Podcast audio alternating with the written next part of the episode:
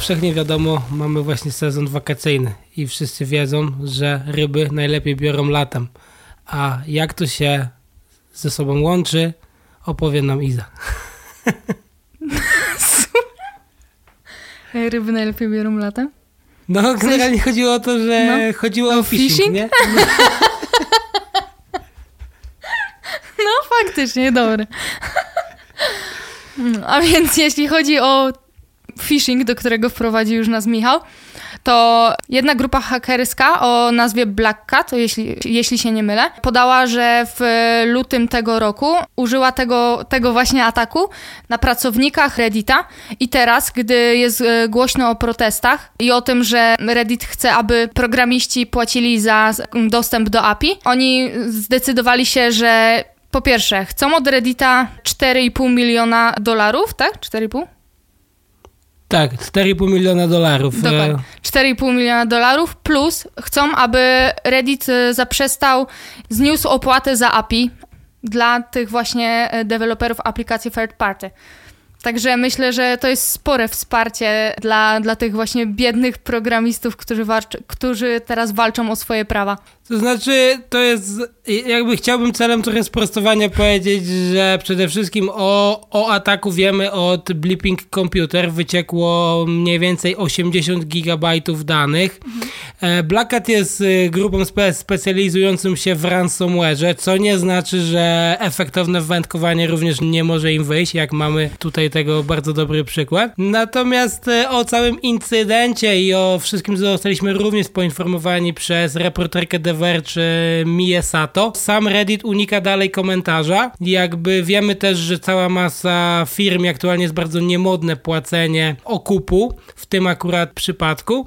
Dlatego pozostaje pytanie, jak to się dalej będzie rozwijać. Jak myślisz? Myślę, że to nie pierwszy przypadek, kiedy Reddit odmawia komentarza w niewygodnej dla nich sprawie, ale oni w, na początku lutego właśnie powiedzieli, że ten atak był wyrafinowany, no i oni jakby nie byli do końca w stanie się przed nim obronić, ale zapewnili, że nie, nie wyciekły żadne dane użytkowników, tylko dane ich pracowników i plus reklamodawców, więc teoretycznie użytkownicy są bezpieczni, no ale te 80 gigabajtów danych, no to jednak jest nadal sporo danych, także zresztą właśnie tak jak mówiłam, oni nie pierwszy raz nie chcą odpowiadać na niewygodne pytania. Tak The Verge zadaje im pytania a propos tego, co teraz ostatnio się wydarzyło, że oni zaczęli... Dobra, jakby poczekaj, poczekaj, jakby po kolei, bo dla mnie, jak cię chciałem poruszyć jeden bardzo ważny wątek. Mhm. Dlaczego nikt nie mówi, że są to dosyć ciekawe żądania ze strony hakerów? Jakby 4,5 miliona dolarów to jest okej, okay. Ale co hakerzy mają? Albo muszą tego rozwiązania używać na co dzień, co jakby samo mhm. w sobie już sugeruje, że Reddit jest jakimś, jakąś swoją klasę produktu posiada.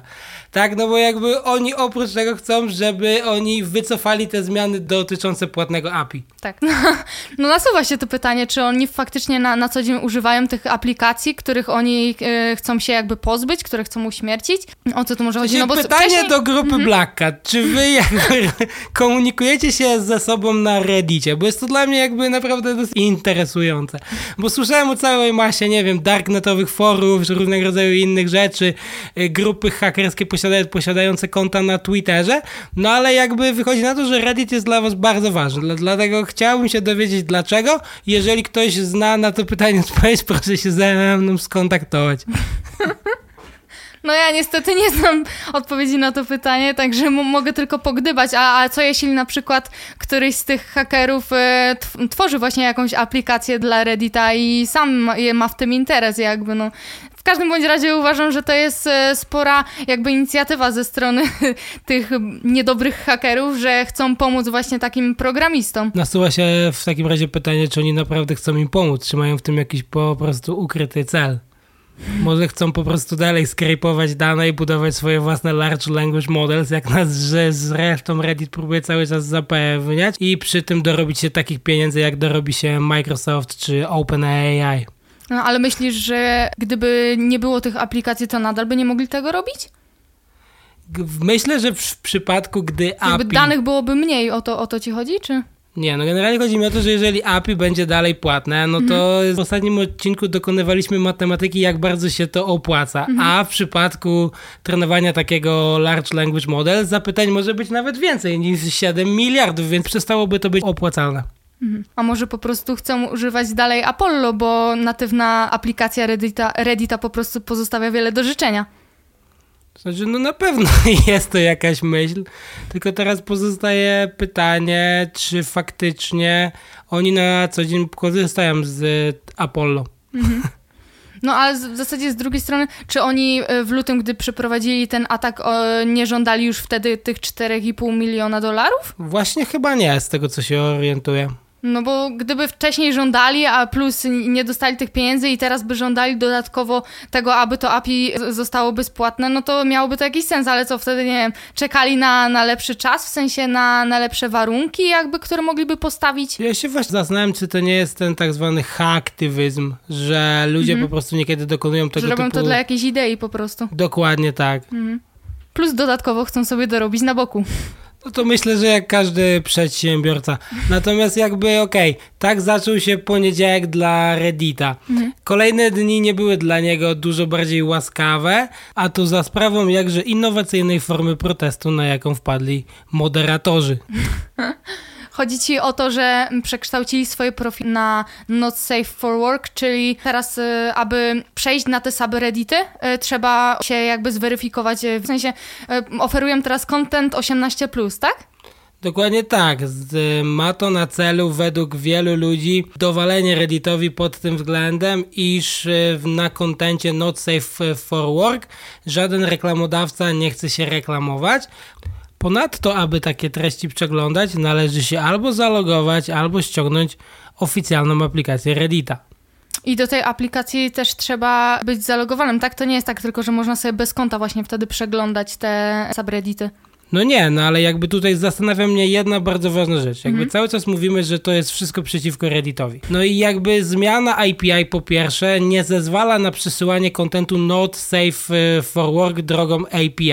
Mhm. Co właśnie nie podoba się wielu ludziom, no bo wtedy zostają oni zmuszeni do korzystania z natywnego systemu, który wymyślił dla nich Reddit.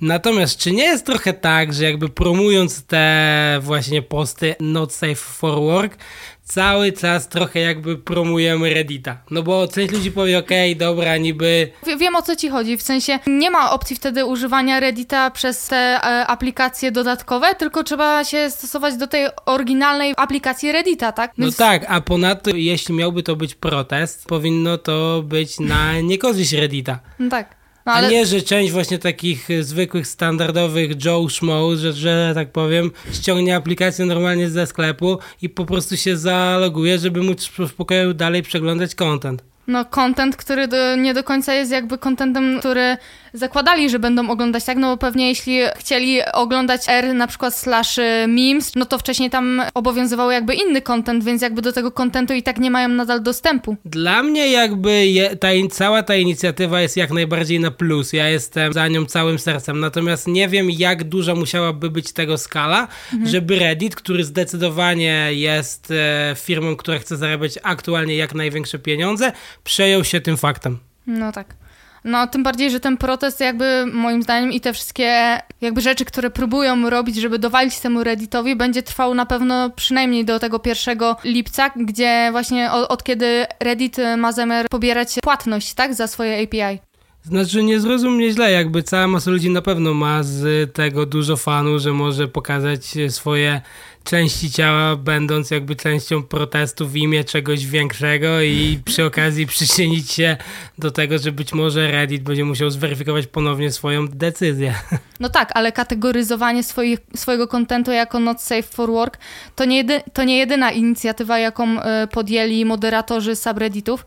Po przemyśleniach e, Steve'a Huffmana, których udzielał w wywiadach, że inni użytkownicy mają już dosyć tego całego protestu i że chcieliby wrócić do dawnego Reddita. Moderatorzy niektórych e, subredditów, takich jak r memes właśnie, czy r e, postanowili stworzyć ankietę, w której zapytali użytkowników, czy chcą wrócić do dawnego kontentu i do tego, jak kiedyś działały te subreddity, czy wolą na przykład tu dokładnie e, oglądać kontent związany z komikiem Johnem Oliverem i tutaj nie wiem, czy bez zaskoczeń, ale użytkownicy zagłosowali, że zdecydowanie wolą nadal oglądać w ramach protestu kontent z Johnem Oliverem. jakby nie, nie da się ukryć, że moderatorzy mają co, coraz to ciekawsze pomysły na ten protest. Ja sam świetnie się bawię, przeglądając wątek i śledząc na bieżąco, jakie to nowinki wymyślałem, żeby obejść e, Code of Conduct Reddita. Natomiast chciałem jeszcze wrócić na chwilę do NSFW. Otóż sam Reddit nie definiuje, jak takie NSFW ma wyglądać. On nie narzuca kanałom który content mogą zaklasyfikować jako po pierwsze nieodpowiedni dla subreddita, a po drugie co ma być NSFW, czyli na przykład gdy mamy, nie wiem, e, reddita, który jest stricte religijny, każdy wulgaryzm może być uznany za NSFW, a gdy mamy jakby reddita, gdzie na przykład dla nudystów, no to jeżeli ktoś pokaże się w ubraniu, no to również taki post może, zo, może zostać usunięty przez moderatorów.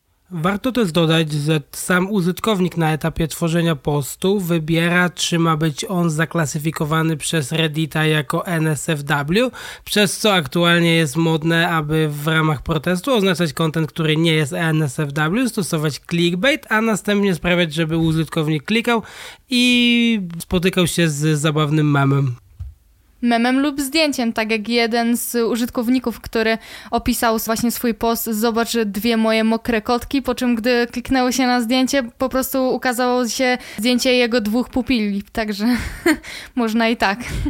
No, zgadza się, ludzie mają całkiem ciekawe pomysły właśnie na ten protest. Myślę, że jeśli jesteście zainteresowani, to e, warto teraz właśnie wejść na Reddita i poprzeglądać sobie tego typu content. Zgadza się, cała ta sytuacja na tyle nie podoba się Redditowi, że jeśli ktoś oznaczy swoje community jako not safe for work i wyłączy monetyzację reklam, to zdarzają się przypadki, że imperium redditowe kontratakuje i w tym akurat przypadku banuje oraz usuwa moderatorów. Tak, ale gdy zrobiło się o tym głośno, to nagle Reddit szybko zaczął przywracać tych moderatorów, jakby, y, żeby uniknąć tego, powiedzmy, małego skandalu, żeby pokazać, że nie, nie, wcale nic się nie stało. Tak, i tutaj pojawia się jakby dla mnie mistrz komunikacji, jakim jest e, Tim Radschmidt. Na pewno przepraszam bardzo za to, że źle wymówiłem pana nazwisko. Natomiast jakby w momencie, w którym został poproszony o komentarz z The Verge, powiedział, że on nie będzie latał z każdą decyzją, którą podejmuje wewnętrznie Reddit i tłumaczył się z niej The Verge, ponieważ nie będzie ustanawiał precedensu, że tylko The Verge ma prawo do takowej informacji.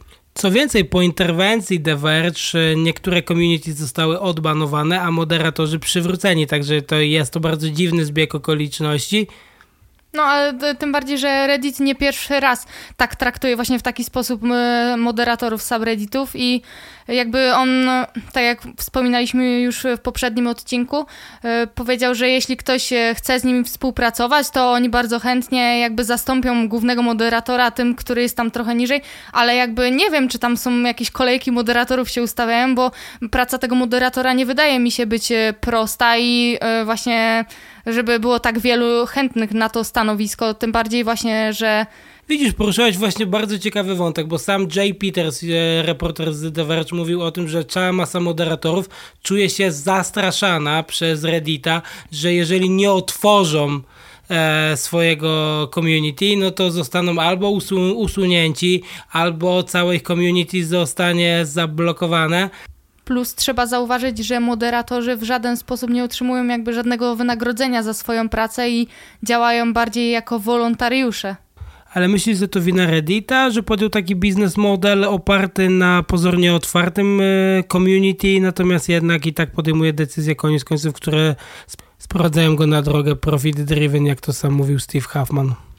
No myślę, że po części na pewno, zwłaszcza, że na początku ten model był taki otwarty i, i, ludzie nie mieli z tym problemu, byli zadowoleni, nawet nie skarżyli się na to, że nie, nie, nie otrzymują żadnego wynagrodzenia ani nic z tych rzeczy.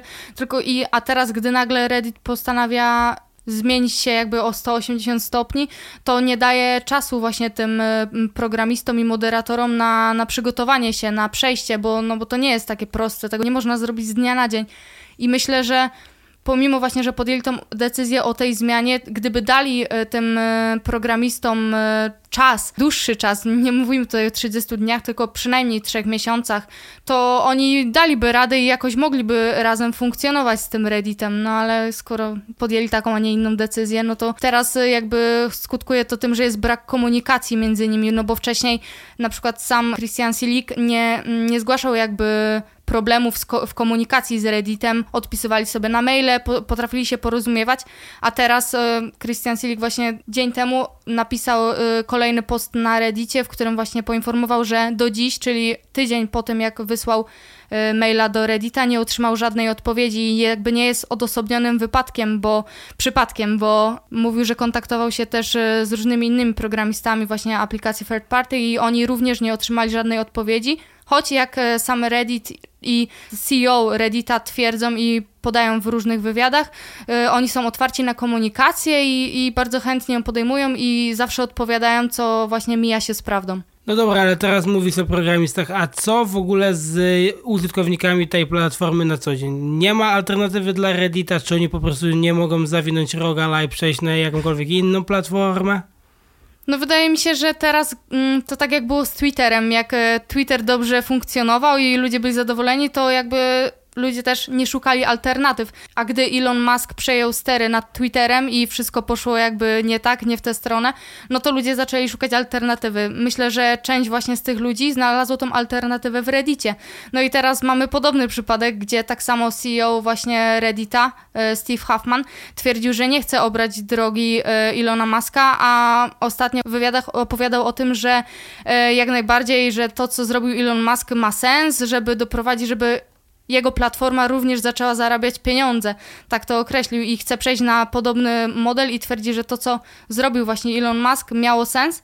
I dochodzimy do momentu, kiedy to teraz właśnie użytkownicy Reddita znów zaczną szukać tych alternatyw, więc na pewno jakieś e, małe aplikacje, o których może nawet jeszcze nie słyszeliśmy, niedługo zaczną się e, jeszcze bardziej promować. Mm, jedną z takich e, alternatyw wydaje mi się jest Discord, ale teraz właśnie Discord zaczyna się rozwijać, widzi tą niszę, która zaczyna się znów powiększać, no i e, dodaje e, wiele różnych funkcjonalności. Chce jakby oferować swoim e, użytkownikom możliwość zarabiania poprzez sprzedaż swoich produktów na tej platformie i mm, myślę, że to jest jedna właśnie z takich alternatyw. W mojej opinii Discord nie jest taką alternatywą, gdyż jak najbardziej można na nim stworzyć community i cała masa ludzi to robi. Natomiast jakby tam ludzie komunikują się ze sobą bardziej w formie czatu. Czego mi brakuje na Discordzie, to ten fakt uporządkowania, że mamy post, następnie mamy wątki, ludzie mogący się odnieść do poszczególnych wątków, tak jak ma to miejsce na Reddicie. No, myślę, że na pewno będzie ciężko znaleźć taką, taki idealny odpowiednik Reddita i zawsze będzie nam czegoś brakować, ale myślę, że w takie rozwijające się właśnie aplikacje, platformy, nie wiem jak to właśnie ująć, gdy będzie przybywać im użytkowników, będzie ich stać na to, żeby dodawać te funkcjonalności. A ty myślisz, że może jakieś e, są jeszcze jakieś inne, no na pewno są, ale czy ty znasz jakieś inne alternatywy dla Reddita, które by były bardziej odpowiednie niż Discord w twoim mniemaniu? Znaczy, cała masa ludzi mówi coś na temat Kbina. Jakby ja nie jestem do końca pewny, wiem tylko tyle, że jest oparty na Fediverse mhm. i że jakby jest platformą do mikroblogowania, ale czy on posiada wszystkie niezbędne funkcjonalności, to nie mam zielonego pojęcia. No ja też tak tylko mniej więcej słyszałam o Kbin i wiem właśnie tyle, mniej więcej tyle co ty, że jest jakby promuje wolny, otwarty internet, jest właśnie oparty na Fediverse, no i y, ich mottem głównym jest jakby to, aby tworzyć dyskutować i zarządzać, więc jest to jakaś alternatywa, jak się rozwinie, zobaczymy. No dobra, ale to jakby z tego co ja rozumiem, to wtedy to będzie wyglądało tak, że każde po prostu community musiałoby sobie założyć swoją własną instancję Cabin, o tyle o ile jest to przydatne i na pewno będą mieli dużo więcej wolności, to pytanie, czy ludzie będą chcieli za taką instancją podążyć, aka przenieść się, bo jednak statystyki pokazują, że odsetek ludzi, którzy przeniesie się z nami na tą platformę po sam content jest niewielki, gdyż ludzie niechętnie zmieniają platformy, takie tak, tak samo jak ludzie niechętnie zmieniają systemy operacyjne, czy niechętnie uczą się, w którym miejscu jest nowy guzik na stronie internetowej. No właśnie dlatego wydaje mi się, że ci użytkownicy właśnie dlatego tak walczą o to, żeby ten Reddit pozostał takim, jakim był. I nie chcą się przenosić, e, lubią te funkcjonalności, które oferował Reddit, które jakby po części sami też stworzyli, bo mają przecież wkład w e, jakby to, jak ta platforma teraz wygląda zdecydowanie. No dobra, ale cały czas jakby zapominamy o jednym bardzo ważnym fakcie. Strona ma bardzo słabe funkcjonalności. Aplikacja tak samo. Więc teraz pozostaje pytanie, jaka jest szansa na to, że uda się to pogodzić, tak żeby był wilk syty i owca cała, czyli że Apollo przetrwa, a sam Steve Huffman przeprosi Christiana Seliga i będziemy żyli długo, długo i szczęśliwe. No, wydaje mi się, że nie, nie mamy na co liczyć w tej kwestii i niestety, tak jak wiele protestów, ten również nie odniesie sukcesu i skończy się to tak w zasadzie, że niektórzy użytkownicy może faktycznie odejdą, zdecydowana większość raczej pozostanie. Tak jak teraz w statystykach widać, że e, tak naprawdę protestujących użytkowników zostało może około 3 3000, gdzie w szczytowym momencie było ich 8000, a Reddit będzie realizował swoje cele. A teraz zapraszamy Was na krótką przerwę i słyszymy się za chwilę.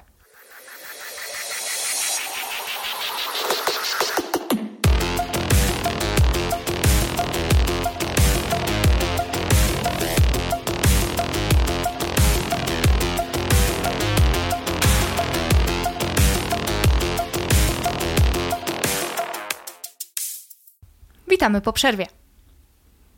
Large Language Models. Jedni je kochają, drudzy ich nienawidzą. A ja chciałem się z wami podzielić swoją ostatnią rozmową z Bingiem. To było tak. Bociana dziobał szpak. A potem była zmiana i szpak dziobał bociana. Potem były jeszcze trzy takie zmiany. Ile razy szpak był dziobany? Odpowiedź Binga. Szpak był dziobany dwa razy. Najpierw bocian dziobał szpaka, potem nastąpiła zmiana i szpak dziobał bociana. Następnie były jeszcze trzy takie zmiany, co oznacza, że szpak był dziobany jeszcze raz, czyli łącznie szpak był dziobany dwa razy. Tyle w temacie. Brawo, panie Bing. Co łączy Apple Fitness Plus, Paramount Plus i Google Bart? Że nie są dostępne w Polsce? Dokładnie tak. A przynajmniej dwa pierwsze produkty. Google Bart miał się ukazać, ale z tego co słyszeliśmy ostatnio, zaliczył falstart. Dokładnie. Y, Irlandzka Komisja Ochrony Danych powiedziała we wtorek, że gigant technologiczny jak dotąd y, dostarczył niewystarczających informacji o tym, jak y, jego generatywne narzędzie sztucznej inteligencji ma chronić prywatność Europejczyków. Tak naprawdę już w maju BART, a dokładniej Google chciało wprowadzić właśnie Barda do Unii, mm, w Unii Europejskiej, ale przez brak tych istotnych danych nie doszło to do skutku. Nie jest to odosobniony case, gdyż już wcześniej pionierzy Large Language Models wykładali się w starciu z przepisami w Unii Europejskiej, a konkretnie z RODO. Tak, dokładnie. Wcześniej chat GPT został zablokowany we Włoszech, y, bodajże w marcu, a kilka europejskich organów ochrony prywatności, w tym właśnie w Niemczech i Hiszpanii, rozpoczęło dochodzenie w sprawie narzędzia AI. A jaka jest Twoja opinia dotycząca AI? Powinno zostać uregulowane czy nie? No ja myślę, że regulacje są tutaj bardzo potrzebne. Zresztą nie tylko tutaj. Myślę, że dużo łatwiej jest zarówno firmom, jak, jak i użytkownikom, kiedy zasady są wszystkim znane, no i bronią jakby przed popełnianiem błędów, na przykład takich, że ktoś mógłby wykorzystać te narzędzia w niecnych celach i zresztą co już się działo, mówię tutaj dokładnie o deepfake'ach. Deepfake'i deepfake'ami, a co myślisz o Hard on my sleeve? Co myślę o Hard on my sleeve? A co myślisz o Not a Game? To są dwie w zasadzie chyba najpopularniejsze piosenki wygenerowane przez sztuczną inteligencję i powstały one na głosie jakby Drake'a, yy, znaczy jakby... Ja się sam zastanawiam, czy to konkretnie chodzi o to, że faktycznie został użyty model głosu Drake'a, czy konkretnie chodzi o to, że Drake'owi nie zostało za to zapłacone? No wydaje mi się, że jak nie wiadomo o co chodzi, to chodzi o pieniądze. Ale z drugiej strony zastanawiam się, czy głos Drake'a jest tak łatwy do podrobienia, że właśnie to na jego głosie opiera się najwięcej tych deepfake'owych właśnie hitów? Mi się wydaje, że jest to jeden z wielu czynników. Kolejnym czynnikiem jest fakt, że posiada on sporą dyskografię i jednak te modele mają się na czym uczyć. No tak, ale w zasadzie wielu artystów posiada sporą dyskografię, a na przykład głos The Weeknda właśnie w Heart on My Sleeve już nie brzmi tak dobrze. To wychodzi na to, że bardzo mało słucham The Weeknd, gdyż dla mnie był ok.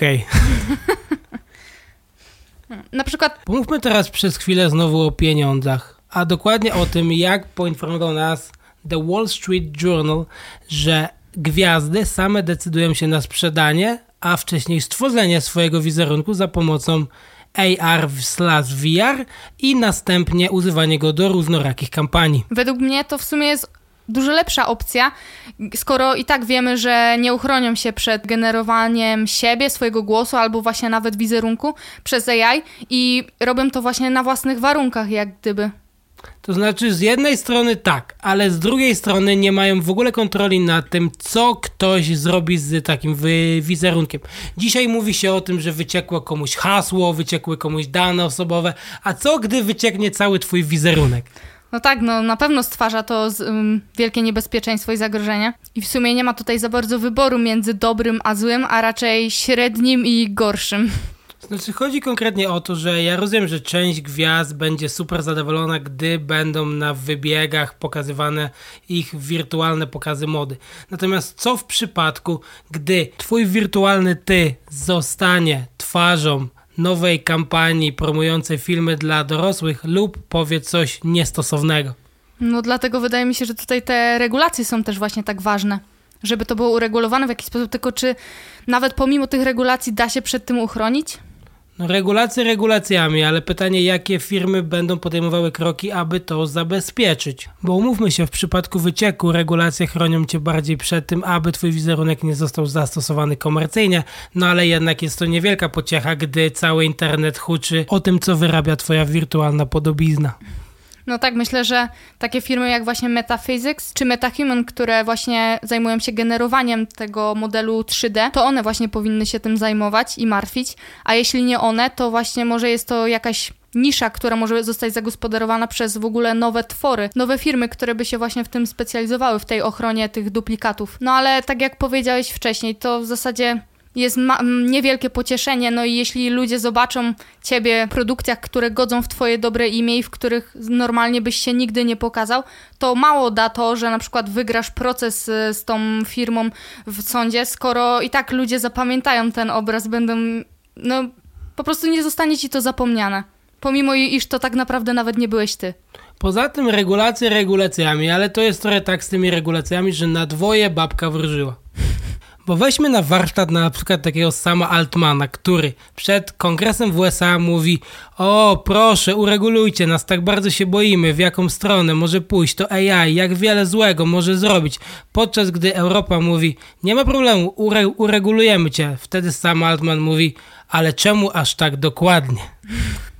Na pewno chodzi im o to, że po prostu chcieliby mieć jakieś ramy, ale raczej nie jakieś sztywne, tylko takie luźne, w który, według których powiedzmy wokół których mogą się poruszać, ale nie do końca i daje im to jakąś i tak dowolność. Z jednej strony tak, a gdy do głosu dochodzi prawdziwe ja sama Altmana, to mówi no nie pasuje nam to do końca, więc zawijamy się stąd i albo nas uregulujecie tak jak my chcemy, albo nie będziemy świadczyć dla was usług. No z jednej strony tak, no ale potem zauważa, że jednak rynek europejski jest duży, no i straciłby na tym wiele pieniędzy, więc mówi grzecznie, dobrze, dobrze, to my się dostosujemy, tylko na nas chwilę poczekajcie.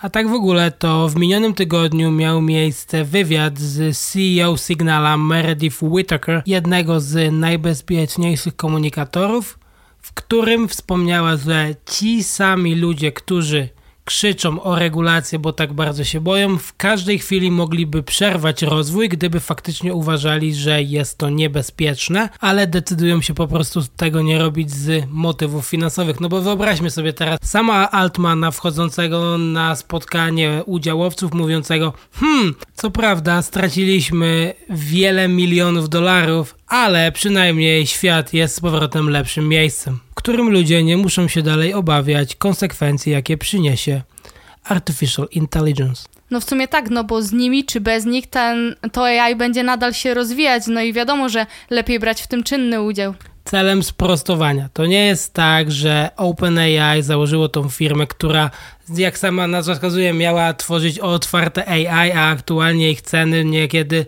przewyższają finansowe możliwości wielu software deweloperów. Poza tym sama licencja OpenAI wcale nie jest oparta na licencji open source, tylko jest licencją komercyjną. Ich e, oprogramowanie jest oprogramowaniem zamkniętym i pisanym głównie w celu zysku. Wcale nie brzmi to dla mnie jak open. Poza tym odnośnie bezpieczeństwa w internecie krąży w sieci taki mem. Szefie, udało mi się zabezpieczyć wszystkie nasze komputery. Jak? Odłączyłem je od internetu. Brzmi to jak jedyny sposób. To, że AI jest teraz naj, najprężniej rozwijającą się dziedziną technicznego świata, to już wiemy. Ale Meta teraz poinformowała o tym, że wypuściła produkt o nazwie VoiceBox, który mm, działa na zasadzie zmiany tekstu na mowę. To znaczy, Meta poinformowała nas o tym, ale jako sam produkt nie jest on jeszcze udostępniany publicznie. Do stworzenia go Meta wykorzystała nagrane przemówienia i transkrypcje z wielu audiobooków należących do domeny publicznej, napisanych w języku angielskim, francuskim, hiszpańskim, niemieckim, polskim i portugalskim. Podobno Voicebox ma również aktywnie edytować klipy audio, eliminować hałas z mowy, a nawet zastępować źle wypowiedziane słowa. Dlatego istnieje niewielka szansa, że gdy będziecie chcieli użyć nawigacji Google i dojechać do celu, waszym głosem prowadzącym może być na przykład głos Morgana Freemana. Hmm, Morgan Freeman mówiący w języku polskim? To może być coś. Co nie? Na razie niestety jednak będziemy musieli jeszcze trochę poczekać, bo Meta obawia się potencjalnego ryzyka niewłaściwego użycia. Ale rozumiem, że będzie to działać podobnie do DALI 2 czy Adobe Firefly, że po prostu będziemy wpisywać frazę i tak jak w przypadku Adobe Firefly dostawaliśmy z powrotem image, tak teraz będziemy dostawać voice. No dokładnie tak. Pewnie stąd nazwa Voice Box. no tak, myślę, że nie jest to zbyt odkrywcza nazwa. A teraz zapraszamy Was na krótką przerwę, po której nastąpi runda podsumowująca.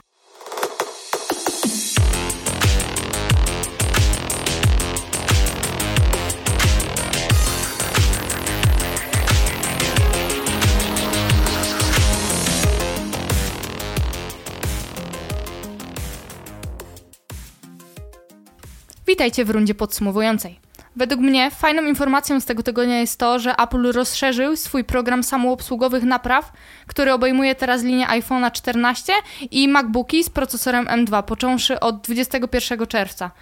Dokładnie użytkownicy samoobsługowej naprawy mogą teraz zainicjować konfigurację systemu, przełączając swoje urządzenie w tryb diagnostyczny i postępując zgodnie z instrukcjami wyświetlanymi na ekranie, więc nie musisz już kontaktować się z zespołem wsparcia Self-Service Repair, aby przeprowadzić ostatni etap naprawy, ale zespół nadal będzie dostępny, aby pomóc w razie potrzeby. Samoobsługowa naprawa będzie również dostępna dla aparatu TrueDepth i górnego głośnika dla linii iPhone 12 i 13, a także dla komputerów stacjonarnych Max M1 również w Polsce. Polsce. Także jeśli nie ufacie specjalistom i wolicie sami naprawić swojego Maca lub iPhone'a, to teraz macie taką opcję. Co wyniesie Was na pewno sporo taniej, a i Wasze nudesy pozostaną bezpieczne.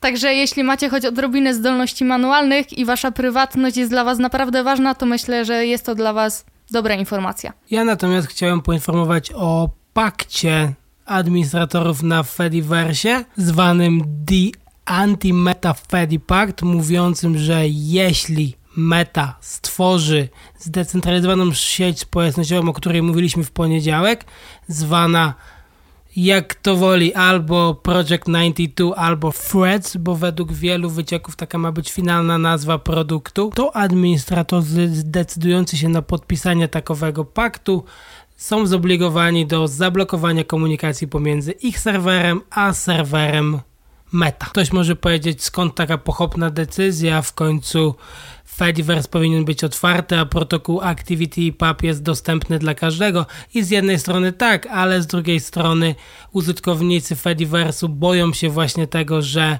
Meta wchodzi tam tylko i wyłącznie w celach zarobkowych, wcale nie po to, żeby pomóc rozwijać Fediverse. No bo jeśli się nie mylę, to Fediverse powstał właśnie po to, aby zdecentralizować tą sieć, więc w sumie nie dziwię im się, że nie chcą tam wpuścić e, mety. To znaczy jakby faktycznie lekki taki smrodek pozostaje. No bo jak platforma, która czerpie swoje zyski głównie z reklam, tworząc je na platformie, która nie jest w ogóle zdecentralizowana, ma niby nagle zachowywać się inaczej w Fediverse.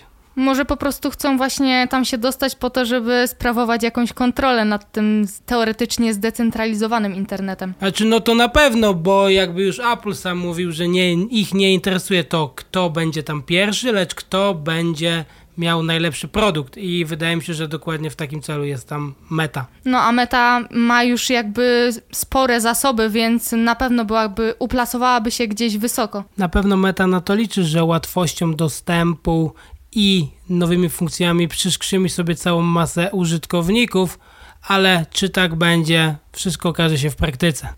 To już wszystko. Już teraz zapraszamy Was na kolejny odcinek, który ukaże się w poniedziałek. Dziękujemy, że byliście z nami do końca. Jeśli subskrybujesz już ten podcast, to Twój komputer jest bezpieczny, a jeśli nie, to Black Cat właśnie zaszyfrował Twoje dane. Możecie się z nami skontaktować pod adresem e-mail feedback małpa technozercy.xyz. Niech moc będzie z Wami.